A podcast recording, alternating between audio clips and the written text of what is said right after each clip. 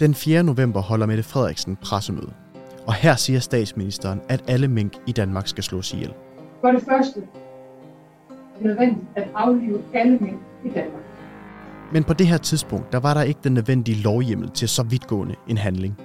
Og derfor må den daværende Miljø- og Fødevareminister Mogens Jensen gå af som minister. Det er min klare vurdering, at øh, jeg ikke længere har den øh, fornødne opbakning blandt øh, Folketingets partier, og derfor har jeg i dag meddelt øh, statsministeren, øh, at jeg ønsker at udtræde af regeringen. Men nu er der nedsat en grænskningskommission, der skal prøve at finde ud af, hvem vidste hvad og hvornår. Og kommissionens arbejde følger vi her på Minkpot. Og mit navn er Mathias Pedersen.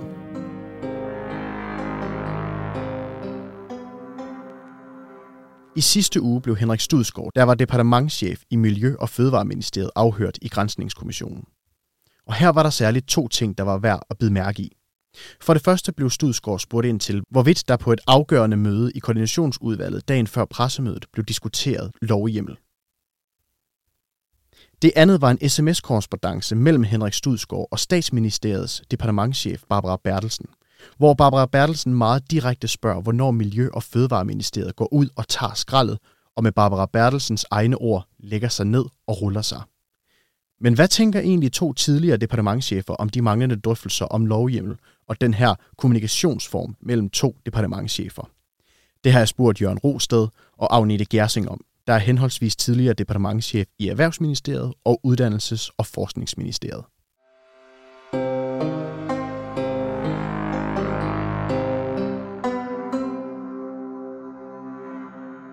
Velkommen til jer to. Jørgen Rosted, tidligere departementschef i øh, Erhvervsministeriet. Med øh, dine mange års erfaringer i embedsværket, hvor stor en sag synes du så, den her den er? Jeg synes, det er en meget stor sag. Jeg kan ikke huske, at vi har haft en sag, hvor det viser sig, at man har truffet en meget, meget vigtig beslutning, og så, hovsa, da den er truffet, der var ikke lovhjemmel. Det husker jeg simpelthen ikke tidligere. Det synes jeg er meget alvorligt.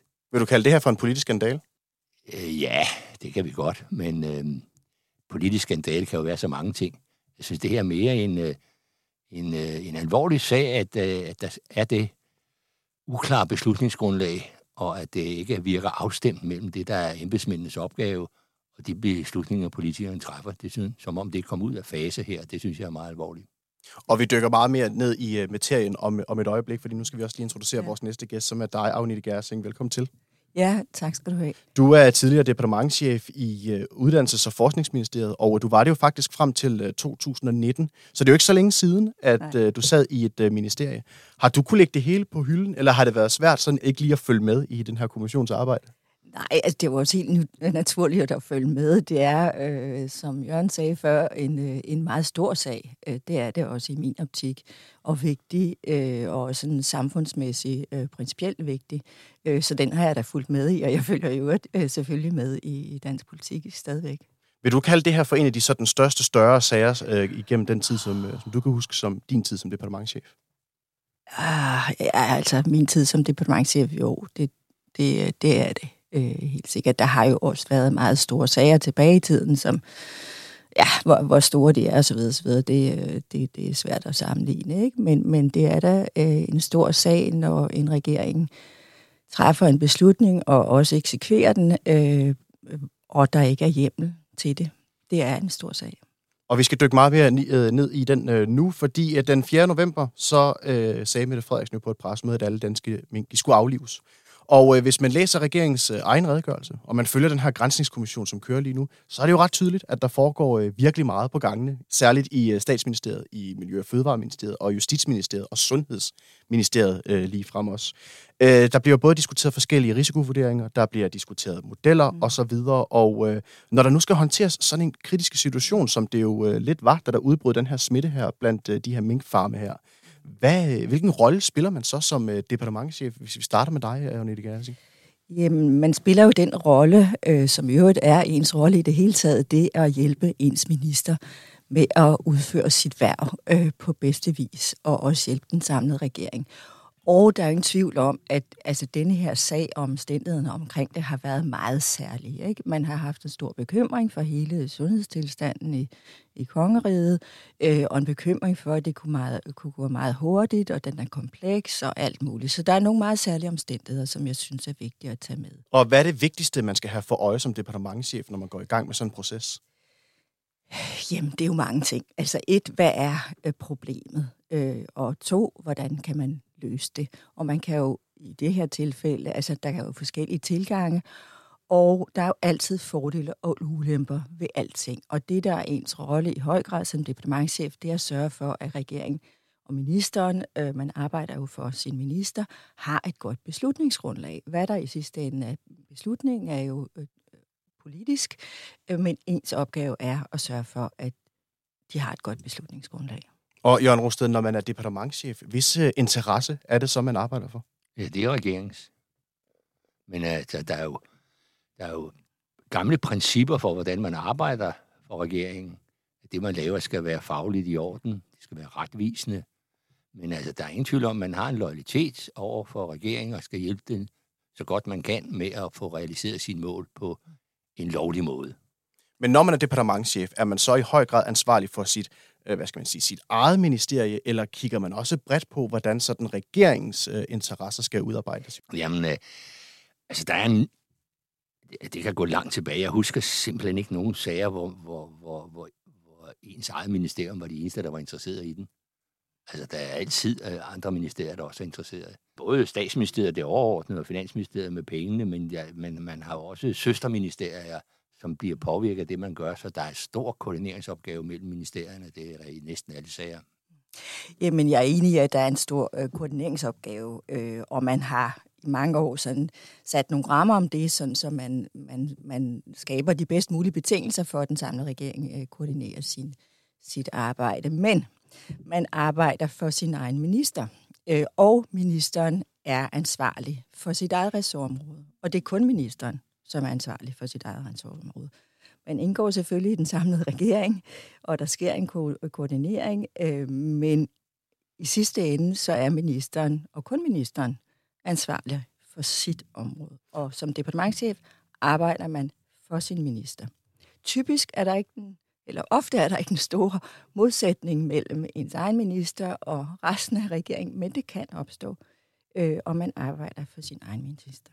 Og grunden til, at du lige præcis påpeger lige præcis den her del her, det tror jeg, jeg bliver meget, meget tydeligt om et øjeblik, når vi ligesom skal til at tale lige præcis den her sag her øh, ned i øh, detaljer. Fordi øh, Henrik Studsgaard, som jo var øh, departementchef i det, der hed Miljø- og øh, Fødevareministeriet dengang, han blev jo øh, afhørt i sidste uge i Grænsningskommissionen. Og øh, han fortæller jo, at, øh, at der ikke blev diskuteret det her øh, lovhjemmel på det her møde i koordinationsudvalget lige dagen øh, op til, at øh, Mette Frederiksen hun jo gik på, på, på talerstolen altså til det her pressemøde og øh, beordrede, at alle mink skulle aflives i, øh, i Danmark. Det helt store spørgsmål hele tiden har jo været det her lovhjemmel. Og da Henrik Studsgaard han bliver spurgt ind til, øh, om der blev diskuteret det her lovhjemmel på det her møde i koordinationsudvalget, så siger han, det var ikke top of mind hvis ansvar er det egentlig, at sådan noget som et lovhjemmel, det bliver top of mind på sådan et møde, Jørgen Rostad? Altså, jeg overrasker ikke mig, at det ikke bliver bragt op på det møde. Altså, jeg deltager i mange af den slags møder, og der går alle ministre ud fra, at lovhjælpen er på plads. Ellers vil embedsmændene have sagt det til dem. Så hvis de har hørt noget, øh, så vil de ud fra, at det er på plads. Så det overrasker ikke mig, at ministerne ikke siger, åh, er der hjemmel til det her? Det har jeg aldrig oplevet, nogen har spurgt om. De går ud fra, at det er klaret af embedsmændene, og hvis der er et problem, bringer embedsmændene det selv op. Det er min erfaring hele vejen igennem. Ja, øh, det er jeg for så vidt enig i. Nu er det vigtigt i denne her sag for mig at se, at det har gået, det er gået rigtig hurtigt med at tilvejebringe det her grundlag for, for det møde. Og, og man gør det bedste, man kan, og ofte er det øh, fantastisk øh, arbejde, der bliver lavet på kort tid. Øhm, det undrer heller ikke mig, at ministerne eller ministeren øh, ikke bringer det op. Det undrer mig, at Henrik Stusgaard ikke gør det. Og jeg kan høre, altså, at der har bare været rigtig, rigtig, rigtig mange ting i spil. Øh, og ja, det ville være min forventning. Jeg ville selv have gjort det, øh, hvis jeg, jeg vidste det. Det er der ingen som helst tvivl om. Øh, men Altså, i kampens hede kan der jo ske mange ting. Jeg mener, det er, er, er mere kompliceret, end det øh, kommer frem, øh, det her spørgsmål om, om, om, om hjemmel. Og jeg forstår godt, at der har været diskussioner. Øhm, nu bliver det fastslået som en nalfast kendskærning, at Fødevareministeriet ude i direktoratet, altså øh, ikke inde i, i ministeriet og departementet, men altså det er ude, hvor folk sidder og administrerer lovgivningen, at de har været overvist om hele vejen igennem, at der ikke var hjemmel. Det undrer mig, at de har det. Øh, og når jeg læser loven og forberedelserne til den osv., så, videre, så vil jeg ikke umiddelbart være kommet til den konklusion. Hvorfor er det, det undrer dig? Ja, fordi det er da ikke så åbenbart. Der står kun i loven, at, øh, at man kan aflive raske dyr, der er tæt på. Men hvad er tæt på? Og loven blev jo ikke lavet, der var nogen vidste, at der kunne komme en pandemi øh, blandt mink. Den blev jo lavet på grund af monoklovsyge og svinepest og alt sådan noget. Ikke? Og der, der sprang det jo ikke på den måde.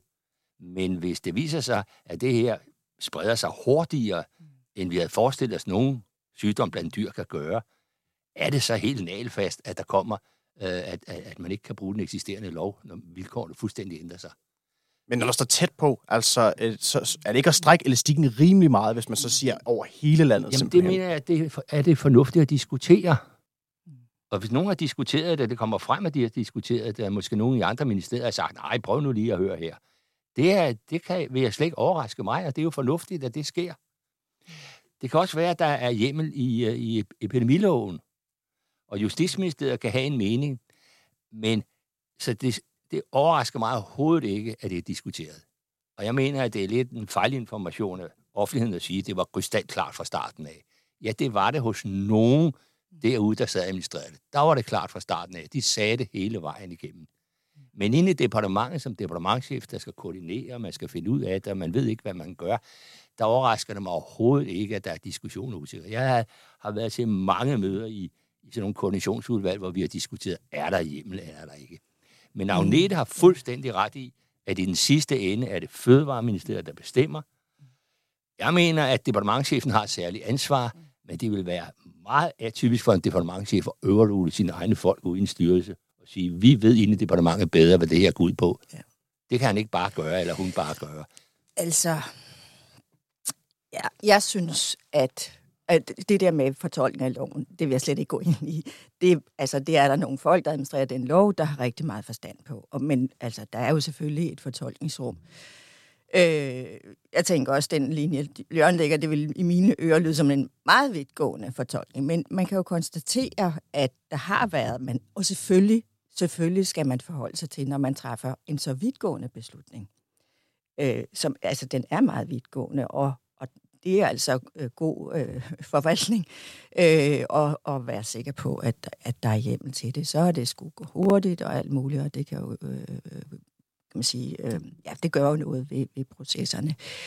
Men, men jeg synes, det er overraskende, at man ikke har været, øh, har været mere opmærksom på, at der kunne være øh, et problem med hjemmelen, eller formentlig var det, og som jeg forstår det, har det jo også stået i de papirer, som er tilgået koordinationsudvalget. Øh, men det er jo meget principielt, det her med lovlighed, ikke? Og, og, og selvfølgelig når, også, når man træffer så vidtgående beslutninger. Men er det ikke en af de vigtigste pointer? Altså ikke en af de vigtigste ting, man skal have slået fast, når man, når man laver så vidtrækkende en, øh, en, en handling? Altså at man, at man er sikker på, at det der hjemmel der, det er på plads? Jo. Jeg sagde ikke og sagde, at jeg kunne tolke den lov, og det, jeg sagde, var min tolkning. Det har jeg slet ikke forstand på. Jeg siger bare, at jeg har oplevet i mange andre sager, det hvor jeg selv har haft ansvaret, at vi har lavet øh, vidtgående ændringer. Jeg gik eksempler på nogle ændringer, der er lige så store som det eksempel, jeg gav før. Men lad nu det ligge det, som jeg har forstået sagen, så har det jo stået i papirer langt til, altså tilbage i tiden, men også i bilag, at, øh, at der var diskussioner eller usikkerhed om hjemmen. Og det var derfor, jeg sagde før, det er ikke usædvanligt, at man har Nej. den diskussion. Mm. Og hvis minister ser det, at der er usikkerhed om hjemmen, så siger de, at det finder de ud af, det plejer de at gøre. Og det vil jeg slet ikke kritisere dem for. Men det, det, det bliver ligesom fremlagt i debatten som om, at hvis det har stået i bilag nummer C, ja. at der var diskussioner om ja. hjemmen, så har de fået det at vide. Ja. Så kører den politiske diskussion på en måde, som jeg mener ikke er sund for demokratiet. Ja, det er helt Men enig. For at svare på dit ja. spørgsmål, selvfølgelig er det departementchefernes ansvar, at de er blevet færdige med den hjemmel i tide. Mm. Så har Agnete ret i, at det her været, kom pludselig meget hurtigt. og overraskende for dem. Men det er ingen undskyldning for, at hjemlen skal være i orden. Og hvis den ikke den er det, så må der være top of the mind. Ja, det er jeg enig i. Det er jeg enig i. Og jeg er også enig i, at altså, man kan ikke, fordi det står i papirerne til kodvalget, de får altså svimlende mængder af papir, øh, og skal forholde sig til utrolig mange komplekse ting på, på kort tid. Og at man efter sig ved det, det er heller ikke sikkert, det har stået så tydeligt. Øh, med flammeskrift, bare ved det, der er ikke hjem til det her. Det tror jeg ikke, det har, fordi så ville det formentlig have, have udspillet sig anderledes. Ikke? Men, men det er øh, vigtig opgave for embedsmærket at være sikker på, at der er hjemmel til det, man nu sætter i værk. Og hvis der viser sig ikke at være det, så sige, det kan jo ske, så man sige, hov, der er noget her, vi er blevet opmærksom på, og det skal vi altså se at få på plads.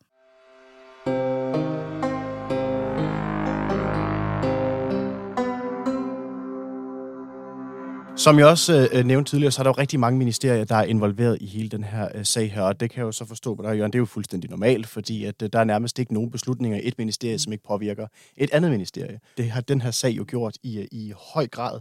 Øhm, så derfor så er der jo også en form for samspil departementcheferne imellem, og jeg kunne godt bare tænke mig sådan helt overordnet, fordi I er jo øh, dem, der har prøvet det, altså I har jo siddet inde i centraladministrationen. Hvordan fungerer sådan et samarbejde egentlig øh, departementcheferne imellem, hvis vi starter med dig, Agnete? Jamen, det fungerer jo på den måde, at man har en tæt øh, koordination eller øh, drøftelse om, om, om sager, der, der vedrører, øh, der ligesom øh, er, er fælles, ikke? eller berører hinandens områder, og det er både i konkrete sager, og man har jo også sådan en, almindelig snak om, når, hvordan går det, og hvad, hvad sker der, og en, en fælles øh, sådan, viden, ikke? laver en fælles viden om, om regeringen og arbejdet, og hvad der rører sig osv. osv. Når der er en konkret sag, øh, så taler man jo sammen, øh, selvfølgelig, øh, om øh, både sagens karakter, og hvad ens ministre tænker, og hvordan kan vi måske løse det. Man, man vil jo rigtig gerne løse problemerne også før det, politikerne skal, skal tage sig for meget af det, hvis det ikke er noget, der er højpolitisk. Men i sidste ende, så, altså, så arbejder man jo altid for sin egen minister. Øh, og derfor afstemmer man jo også, hvis det er noget, der er vigtigt og politisk, og man ikke ved helt, hvor ministeren er henne, jamen så afstemmer man det. Øh, ja. Og, og hvis ministeren siger, jeg mener sådan, og jeg vil ikke øh, et eller andet, så er det sådan, det er. Og hvor formel er sådan en, en kommunikation øh, departementchefer imellem? Nej, vi skal sondre mellem det daglige arbejde og så nogle springfyldte sager. I det daglige arbejde er det jo sådan, at, øh, at det er den samlede regering, der skal nikke til et lovforslag. Og det sker på de sædvanlige ministermøder med statsministeren for bordenden. Og hvis man ikke som departementchef har sørget for at tage alle ministerier i ed, men der er en ressortminister, der har noget imod det, så siger statsministeren, den skal gå tilbage, og så får man en røffel over, at man ikke har koordineret godt nok. Det er det daglige arbejde. Det hører vi aldrig om. Men det fungerer på den måde. Men så er der jo de sager, som er springfarlige. Fordi der er politisk uenighed, og kan man overhovedet få flertal, og befolkningen følger med. Der er der særligt koordinationsudvalg. Og når, når det er økonomien, så er det øh, Finansministeriet, der koordinerer i vores dage. Og det foregår med, med det har jeg selv været medlem af det i mange år, lige da det blev lavet det foregår med hård hånd tit. Øh, men det er altså departementchefen i Finansministeriet, der prøver på, at man kan lave et fælles beslutningsgrundlag, som Finansministerens økonomiudvalg kan træffe beslutninger om, med for få kantede parenteser, altså uenigheder. Ikke? Men hvis det ikke er så meget Finansministeriet, men, øh, men mere den samlede regering, så foregår det over statsministeriet. Og man har indtryk af, det er ikke noget, jeg ved, men fra offentligheden har indtryk af, at der er flyttet flere sager fra Finansministeriet til statsministeriet under den her regering. Det støtter jeg i og for sig, men det er jo sagen udvedkommende. Men der, der, der er der jo så også en koordination blandt embedsmændene, inden ministerne får papirerne. Og øh, der holdes der møder. Øh, det kan være på forskellige steder. Øh, det kan være i Fødevareministeriet eller Sundhedsministeriet, og det kan også være departementchefen i statsministeriet, der indkalder til et møde. Og der drøfter man sagerne, og der er det, der hedder en kammeratlig udveksling mellem departementchefer. Men, men, men når du siger, at, ja. at det virker som om, at der er flere ting, der er flyttet ind under statsministeriet, under den her regering her, så stiller det vel også nogle andre krav til den departementchef, der så er i, i statsministeriet. Altså, kan der ikke være en, hvad skal man sige, en gråzone i forhold til, at en departementchef så skal måske træde ind på nogle resortområder, som normalt ikke ville have været departementchefens egen? Nej, der er der ikke nogen gråzone med. I forhold til med statsministeriet, ja, det er også øh, min opfattelse, at at der er flere sager, som øh, drøftes og besluttes i regeringskoordinationsudvalg, som er det øh, sådan helt øh, topudvalg, hvor statsministeren sidder for bordenden, og hvor man drøfter alle de meget centrale politiske ting.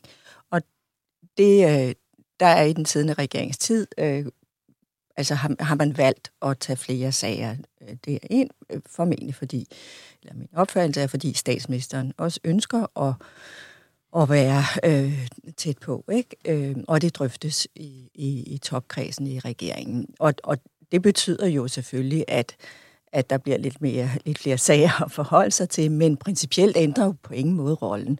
Altså det er stadigvæk opgaven for øh, statsministeriets departementchef, og så lede drøftelsen om de beslutningsgrundlag, og sørge for, at, at det ser fornuftigt ud, før man øh, lægger det op i koordinationsudvalget, og så i øvrigt øh, holde, hånd i hanke med, at det bliver øh, ført ud i livet. Ikke? Det ændrer ikke ved, ved ressortansvaret. Det bliver ikke sådan, så øh, et eller andet mink, eller hvad det kan være, bliver statsministeriets ansvar. Nej, nej, det gør det ikke. Altså, øh, ressortfordeling er, som den er, den bliver jo fastlagt øh, af, af dronningen øh, efter, øh, efter regeringsdannelsen, ikke, eller i forlængelse af det. Og der har man ansvar for det, der står under ens ressortområde. Og statsministeriet, statsministeriet har ressortansvar for nogle ganske, ganske få ting. Pressen, tror jeg stadigvæk. Mm. Øh, men ressortansvaret ligger i ressortministeriet. Altså så uddannelsesspørgsmål, det ligger i Uddannelses- og Forskningsministeriet, og spørgsmål ligger i Miljøministeriet osv. osv. Jeg synes, det skal fremstilles lidt anderledes. Jeg, jeg, øh, Agnete har fuldstændig ret i, at når det kommer til den sidste dag, så er det det ministerie, der har det lovforslag, der er grundlaget, som også har ansvaret. Det er der ikke nogen, der er i tvivl om, og det kan ikke diskuteres. Men i sådan nogle sager som denne her, der, øhm, der er det faktisk sådan, både når, når embeds, øh, topembedsmænd mødes, og når, og når minister mødes, at så har alle taleret, og alles argumenter tæller. Og jeg har været til mange møder, øh, jeg tror, der er flere i dag, men jeg synes, vi havde for få i min tid nu, det ligger mange år tilbage, hvor departementchefen fra statsministeriet sidder for bordenden, og man har en klar opfattelse af, hvad er det, regeringen vil. Men der har det i Danmark været en filosofi i mange år, det er jo gået godt i mange år, at, øh, at holde sagerne væk fra statsministeriet, fordi så har man ikke noget ansvar. Det har været en filosofi, som har kørt i mange år af mange statsminister. Det ændrede sig med, med, med, med, med få og, og, og så øh, sådan efterhånden, og måske endnu mere her. Men det synes jeg er en god ting. Det, er, sådan er det også i mange andre lande. Men når man sidder der, departementcheferne fra 4-5 ministerier, så sidder man ikke og tænker på, hvem er finest her. Godt nok er det departementchefen fra statsministeriet, der overstyrer, men alle argumenter tæller. Og alle kan udtrykke sig om alt muligt. Det er en politisk diskussion uden, minister, uden politikere, hvor man prøver på at, at i fællesskab finde frem til, kan vi komme med det bedst mulige råd til ministeren, og der kan Sundhedsministeriets departementchef gå ind på andre ministeriers departementchef og sige, hvorfor gør I ikke sådan her? Er det ikke en god idé? Mm. Og det er, jo, det er jo helt nødvendigt for at skabe et godt grundlag. Det, der har, tror jeg, hvis vi skal gætte på fremtiden her, har været misæren, det er, det gik så lynende hurtigt. Mm. Der var ingen, der forestillede sig, at om et eller andet to uger, så har vi en risiko for, at alle mink i Danmark er smittet. Hver en. Det kan springe fra Horsens til Sorø på få timer. Og Men, den, den situation ja, har jeg ikke set, og altså, derfor går det galt. Jeg, jeg er enig, helt enig i det sidste, som jeg også tror, jeg sagde før. Altså, jeg har et lidt andet syn på det der. Det, hvor jeg måske hører en lille øh, forskel i vores øh, syn, det er, at øh, det ansvarlige ressortministerium har, øh, har jo en særlig rolle. Det er ens minister, og dermed en selv, som, som i sidste ende skal tage stilling til, øh, er det her fornuftigt? Vælger det? Vil jeg sende det her over? Øh, og, og, det, altså, og det er en vigtig sondring. Og der er, det synes jeg også er rigtig vigtigt, det kan man måske, det står lidt øh, uklart i debatten, Altså, øh, departements, statsministeriets departementchef har jo ikke nogen instruktionsbeføjelse over for de andre departementchefer. Statsministeriets departementchef er ikke chef for departementcheferne. De har en særlig rolle, men departementchefernes chef er deres minister. Og i sidste ende er det ministeren, som skal tage stilling til det. Og det drøftes selvfølgelig øh, så politisk i ja, den sammenhæng, det nu gør her, regeringens øh, kodvalg. Øh, og det er jo ministerens ansvar så faktisk at tage stilling til, øh, vil jeg det? Altså, der kan godt være en beslutning, men formelt kan man ikke, heller ikke i regeringskodvalg, træffe en beslutning, som forpligter den enkelte minister det vil jo ofte være det, man gør, men, men man føler, øh, at, at okay, nu, nu gør jeg så sådan, men hvis det er, man skulle være meget uenig i sidste ende, jamen så står det en frit for at sige, øh, det vil jeg simpelthen ikke.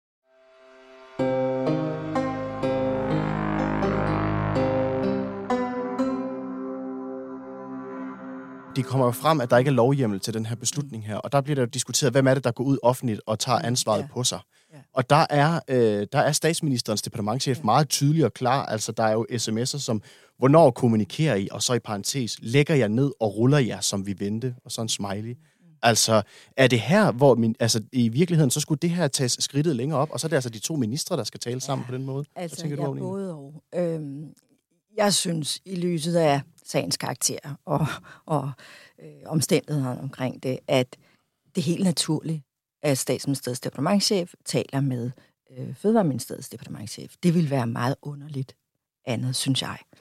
Øh, og jeg kan ikke se, hvis det nu var sket på mit område, selvfølgelig havde jeg talt med statsministeriets branchechef, og vi havde vendt, hvad, og hvad synes min minister, og hvad synes statsministeren, og din og datten, hvad har vi tænkt os at gøre. Men når det er sagt, hvis det så er sådan øh, lidt vanskeligere end som så øh, at, at få fodslag, øh, så er jeg enig med Jørgen i, at, at øh, jamen, det vil være naturligt, at ministerne taler sammen. Men nu er statsministeren en særlig minister, har jo øh, meget, meget, meget øh, travlt, og mere travlt end de andre.